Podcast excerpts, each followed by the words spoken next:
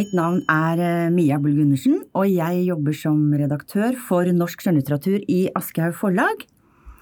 Eh, Vi har startet en ny podkastserie denne høsten, hvor vi spør eh, forfatterne våre, fortrinnsvis de forfatterne som har bok i høst, om, ja, rett og slett om hvorfor de skriver.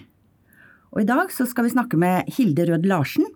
Hun er kanskje kjent for de fleste som oversetter, men fra nå av er hun også kjent som skjønnlitterær forfatter, for hun har debutert med en roman som heter Sommertid, en vakker, gul, nydelig, lysende roman, som kom nå i august. Og da må jeg bare spørre deg, Hilde, hvorfor eh, skriver du? Ja, hvorfor skriver jeg? Nå er jo jeg en, eh, en voksen debutant. Jeg er 45 år gammel når jeg debuterer. Eh, Men det betyr ikke at jeg ikke har vært opptatt av og hatt glede av å skrive før. For, for meg så har nok det å skrive, både det å lese og det å skrive, vært en måte å både tenke og føle klarere på. Jeg har liksom alltid tydd til skriften for å finne ut av ting, enten det har vært eh, i studiesammenheng eller i jobbsammenheng eller eh, i mitt eget privatliv. Jeg har skrevet mye dagbok gjennom livet mitt. Å ja, du nå- har det fra du var liten? Ja, det har jeg i grunnen. Fra Ja. jeg fikk min første dagbok til tiårsdagen. Oh ja. Så har det liksom vært noe jeg har tydd til igjennom, både gode og dårlige tider. ja men skrev du da sånn 'kjære dagbok', og i dag, nå skal du høre hva jeg har gjort i dag', var det sånn? Ja, på en måte så var det det. Også, men det er veldig morsomt når jeg blar tilbake til gamle dagbøker, så var det, var det et, liksom et eh, vendepunkt i mitt eh, dagbokskriveri kom etter at jeg leste Anne Franks dagbok. Ja. Da skiftet stilen min. Å ja. Og da ble jeg mye ærligere og mye mer direkte Å, ja. i dagboka mi og skrev mye mer om det indre og ikke bare om, eh, om liksom de ytre tingene. Så der var det en markant mm. stilistisk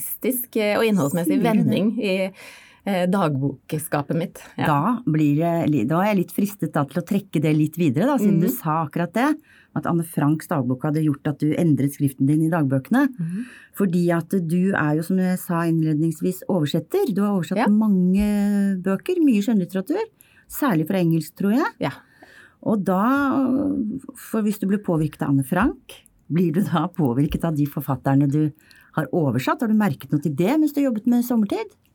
Ja, det er ikke sånn at jeg har tenkt på konkrete forfatterskap eh, mens jeg har skrevet. Jeg har ikke tenkt nå skal jeg skrive som den forfatteren eller den forfatteren. Men det jeg ser etter at jeg har skrevet noe, og leser gjennom min egen roman, så ser jeg at eh, jeg, jeg, altså jeg tror rett og slett ikke jeg hadde kunnet skrive en roman hvis ikke jeg hadde etter hvert oversatt ganske mange gode bøker. Nei. For når man oversetter en bok, så er man veldig veldig tett på den boka. Man er liksom sammen med den teksten Ja. veldig intenst over lang tid. Og da lærer man seg ganske mye. Og jeg, som, det, er noe av det beste jeg vet ved å være oversetter, er at jeg kan på en måte gå inn i, gå inn i arbeidsværelset til forfatteren. Og, og først så leser jeg boka, og, så har jeg en sånn intuitiv opplevelse av den. Og når jeg sitter og oversetter, så, så ser jeg liksom hvordan forfatteren har fått det til. For at, for at jeg skal kunne gjenskape det på norsk, så må jeg skjønne hvordan forfatteren har fått til det han eller hun gjør. Ja, for det ene er jo sånn dramaturgi og valg av Ja. Uh, fortellerståsted og sånn, men noe annet er liksom ordvalget, Ordvalg. sette sammen setningene.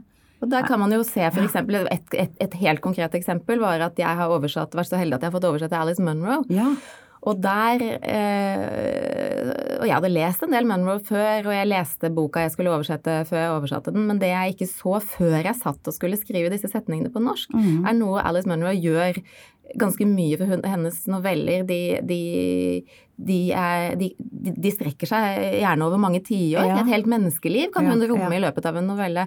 Så ser jeg at en av måtene hun klarer å gjøre det på, er at hun har noen sånne veldig elegante og stilige skifter i verbtid. Ja. Fra en setning til en annen så kan hun veksle mellom, mellom presens og preteritum f.eks. Ja, og det er sånn man faktisk ikke ser når man bare leser boka. så det, det virker helt tilforlatelig. Men det er jo sånn man må være veldig oppmerksom på når man, man oversetter. Ja, og det ser jeg når jeg leser gjennom min egen bok nå. Så, så har jeg noen sånne skifter.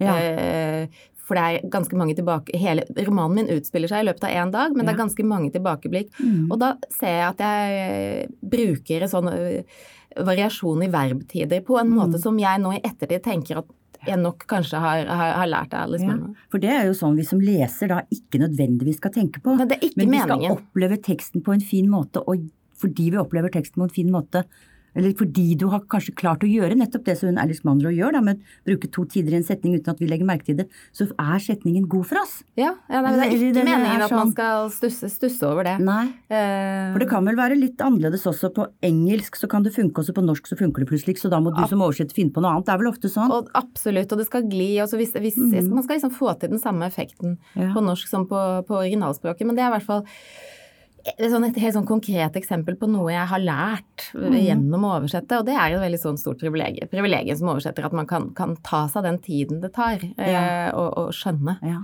En tekst. Ja.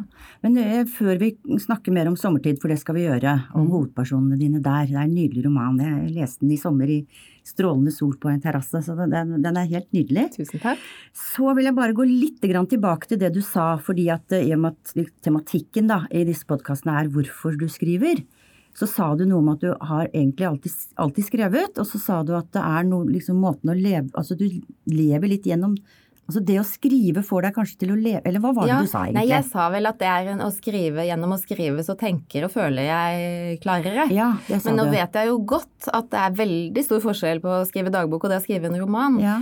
Um, og jeg har jo gjort det på en helt annen måte enn jeg har skrevet, skrevet for meg selv. Men det som, har blitt, som jeg har tenkt på etter at jeg har skrevet romanen, er at er at når jeg ser på livet mitt, så ser jeg at jeg er helt sånn fra barndommen av. Fra jeg var veldig liten, så har jeg liksom alltid prøvd å skape meg noe litt sånn hemmelig rom. ja. Og ikke da nødvendigvis for å gjøre noe sånn veldig grenseoverskridende eller ulovlig eller noe sånt, men det med å bare Jeg har alltid likt veldig godt å, å, å være et sted, kanskje til og med bare sitte på en benk i en park og Ja, tenke sånn- at ingen vet at jeg sitter her nå. Ja, det sånn, syns jeg er så herlig. Og så liker jeg også veldig godt å tenke at jeg har lov til å tenke på hva jeg vil. Ingen bestemmer hva jeg tenker på, det kan jeg bestemme helt selv. Ja. Det, er en sånn, det syns jeg er en helt sånn berusende Det var litt sånn du tenkte følelse. fra da, da du var liten, Ja. og så har du bevart Ja. den følelsen av den tanken. Sånn, sånn har jeg det fortsatt. Og det har vært for meg, det å skrive den romanen, har liksom vært en sånn en måte å, å leve et hemmelig liv på. Både fordi at jeg kan, i motsetning til når jeg oversetter For da når jeg oversetter en bok, så må jeg forholde meg til originalteksten Ja. veldig, veldig trofast for mm. å kunne være en god oversetter. Og derfor har det vært helt sånn fantastisk å skrive en roman selv. Og jeg har tenkt ha, jeg kan bestemme helt selv. Og ikke nødvendigvis bare handlingen, men jeg kan bestemme setningen helt selv. Hvor jeg setter komma, kan- Ja. det kan jeg bestemme. Ja. Eh, Og en og god Det følelse. er en veldig, veldig, veldig Ja. god følelse. Eh, En frihetsfølelse. frihetsfølelse. Ja. Men, men når du satt og skrev deg, siden du ikke har gjort det altså Du har jo skrevet i, for- i utdannelsen din, du er vel utdannet rett og slett samfunnsviter, Ja. vet jeg? Ja. Og så du har vel helt sikkert skrevet my veldig mye både, sånn, både profesjonelt og i utdannelsen din og dagbok og alt sånt. Men da du skrev den romanen, mm. da så hadde du vel oversettelser kanskje ved siden av også. Du måtte jo finne rom til å skrive Ja, den, mener Det jeg. var helt Nå- ja. Hvordan gjorde du det? Ja, hvordan jeg gjorde det. For det, jeg kan jo si det at jeg har, liksom, jeg har jo hatt lyst til å skrive roman en stund, og så hadde jeg tenkt at ja, men da må jeg spare opp noen månedslønner og kanskje et helt år, sånn at jeg kan bare skrive i mange måneder eller et helt år. Og så innser jeg at det kommer aldri til å skje. Så mange penger klarer jeg aldri å spare, så nå må jeg bare sette i gang. Ja. Eh, og da tenkte jeg som så først, så tenkte jeg at da skal jeg bare jeg skal skrive en time om dagen. Det klarer jeg. ja. Og så tenkte jeg jeg skal ikke si det til noen. Men det var det hemmelige rommet, det òg, da. det var det hemmelige rommet. Ja. Og så er jeg veldig glad i morgener, da. Så jeg Ja. sto opp tidlig om morgenen Ja. og skrev, mens mannen min og barna mine sov. Ja. Og så sa jeg det ikke til dem, jeg sa det ikke til noen, for jeg tenkte at dette skal være hemmelig. Eh, også fordi jeg tenkte at jeg visste jo ikke om jeg kom til å få det til. Nei. da var det greit å ikke ha liksom Og hvis du ikke hadde fått det, så hadde du ikke sagt noe, du hadde bare lagt det bort, da. Ja, Kanskje. det, ja, Det det var jo ikke sånn at jeg syns det er noen skammelig ting å prøve å skrive en roman, men, men jeg hadde det veldig deilig med det, med at det Mm. var liksom noe sånn hem, hemmelig Ja, jeg gjorde. ja. Så etter hvert så Den timen var ikke så nøye lenger, for jeg hadde egentlig lyst til å skrive hele tida, så jeg gjorde det sånn innimellom. Når jeg hadde en ledig stund, satt og venta på noen på en kafé, så var det fram med Mac-en og skrive litt. Og, ja. flyplass. Og en så var det den dagen du leverte til Aschehoug, da. Ja. Som du faktisk Du har jo faktisk jobbet her et års tid Jeg også. Så du har jobbet som redaktør. Mm. Vi var jo kolleger. Så jeg visste jo at. Aschehoug var et fantastisk forlag. Det var Ja, ja, derfor jeg ville var gi boka mi her. Det var hyggelig sagt, men det var jo ikke derfor jeg egentlig trakk det frem. Men jeg mener, du har jo rett og slett jobbet som redaktør, så du vet jo litt om hvordan et manus blir tatt imot når det Mhm. blir levert til et forlag. Men du sa til meg nemlig at du leverte det til, hit til redaksjonen her i Aschehoug uten at mannen din ante at du hadde Ja, skrevet roman. Og da var det til og med sånn jeg leverte det, og så hadde jeg jo med, med i hjertet og sånn, og så gikk det en ukes tid faktisk, for jeg ikke sa det til noen. Eh, fordi det var, det var sånn det var også en sånn deilig hemmelighet å vite at jeg hadde skrevet et romanmanus og sendt inn, og så skulle jeg ut og spise på en litt sånn romantisk middag med mannen min en uke etterpå. Da sa jeg 'vet du hva jeg gjorde i Da forrige uke', eller? hva da? Jeg sendte inn et romanmanus. Og da ble han for å være helt ærlig litt fornærma fordi at jeg ikke hadde fortalt det til ham at jeg hadde skrevet dette manuset, men så Det kan jeg egentlig nesten litt forstå, for det var maken til hemmelig rom, da. Ja. De fleste jeg- forfattere, de gjør Jeg vet ikke, jeg, det er litt så forskjellig, men jeg tror det er noen forfattere som er ganske flinke til å ta seg det rommet, og og at andre de i, i rommet eh, sammen med dem merker det. Ja, si det nei, sånn. det kan godt, og vi får se. Jeg skal skrive flere forfatter. bøker forhåpentligvis, og da jeg, skal jeg kanskje gjøre det på en annen Kanskje måte. Men nå annen måte. ga det meg sånn veldig et frirom og en kraft eh, som var veldig fin å ha, rett og slett, Ja. til denne første romanen. Ja. Men du, da har vi snakket litt om hvorfor du skriver, og hvordan du skriver, og litt om at du er oversetter, og dette med språk og sånn. Nå syns jeg vi skal komme inn på selve romanen 'Sommertid'. Som jo, som du sa litt om i sted, foregår i løpet av ett døgn. Mhm. Og det er to hovedpersoner. Det er Ingrid. Det er en dame på 52 år. Hun er journalist, så vidt jeg husker. Hun er journalist. Ja. Ja. Og så er hun gift med en mann som er en del år eldre, og det er hans andre ekteskap. Og han heter Peter, og han er blitt pensjonist. Jeg tror han er sånn ca. 15 år eldre enn henne. Han er akkurat 15 år eldre Ja, enn henne, ja, helt riktig. ja. Og er eh, Ja, han har blitt pensjonist bare noen uker før døgn, romandøgnet begynner. ja. Så han har fått dagene fri og kan gjøre hva han vil. Og mens hun går på jobb. Hun skal på jobb, i hvert fall. ja. Så hun våkner denne morgenen. Kan du fortelle litt om den boken? Det er, eh, boka begynner altså bok, Boka er delt inn i fem forskjellige deler. Det er en morgendel mm. hvor det er eh, hvor vi- man, hyppig, ganske hyppige sånn kapittelvekslinger eh, hvor perspektivet ligger hos vekselvis Peter og Ingrid. Mm. Og så er det en del som heter Ingrids dag, Ja. og så er det en del som heter Peters dag. Så er det en kveldsdel hvor vi igjen skifter eh, mellom perspektivene, og så er det en nattdel som er litt annerledes, som, som, er av, som, er, som avslutter det hele. Eh, men i hvert fall denne morgen, morgendelen, eh, der våkner de sammen ved siden av hverandre i senga, men, eh, og hun står opp og vil ikke vekke ham, men slår av vekkerklokka for ikke å vekke han. Så viser det seg at han er jo våken, men han later som om han sover. Mm. Og gjennom denne morgenen så utfører de sine vanlige morgenrutiner, men uten å snakke med hverandre, og de vil åpenbart ikke snakke med hverandre. Mm. Uh, og så, så drar hun av gårde for å, for, å, for å dra på jobb. Noe hun ikke gjør. Hun ender med å, med å skulke jobben. Ja. Men det er, for det er jo en litt sånn trykket stemning mellom disse to. Det er jo definitivt det en- det er en trykket stemning. Ja, Og, og han. Uten at det egentlig er sånn veldig åpenbar grunn til det. Ja.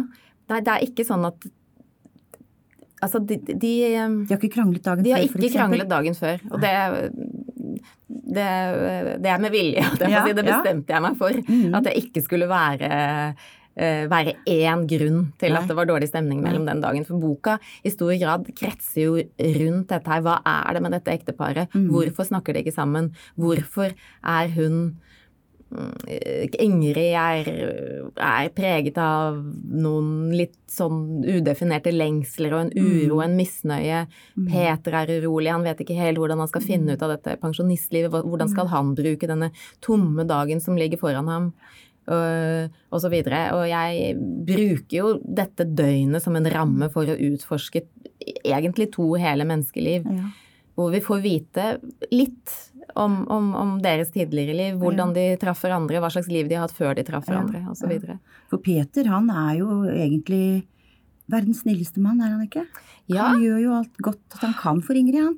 Står opp og lager frokost hvis hun lar ham få lov. hun, han, er, eh, han ser nok på seg selv, eh, og andre ser nok også på Peter som en sånn uendelig god mann. Snill, omsorgsfull.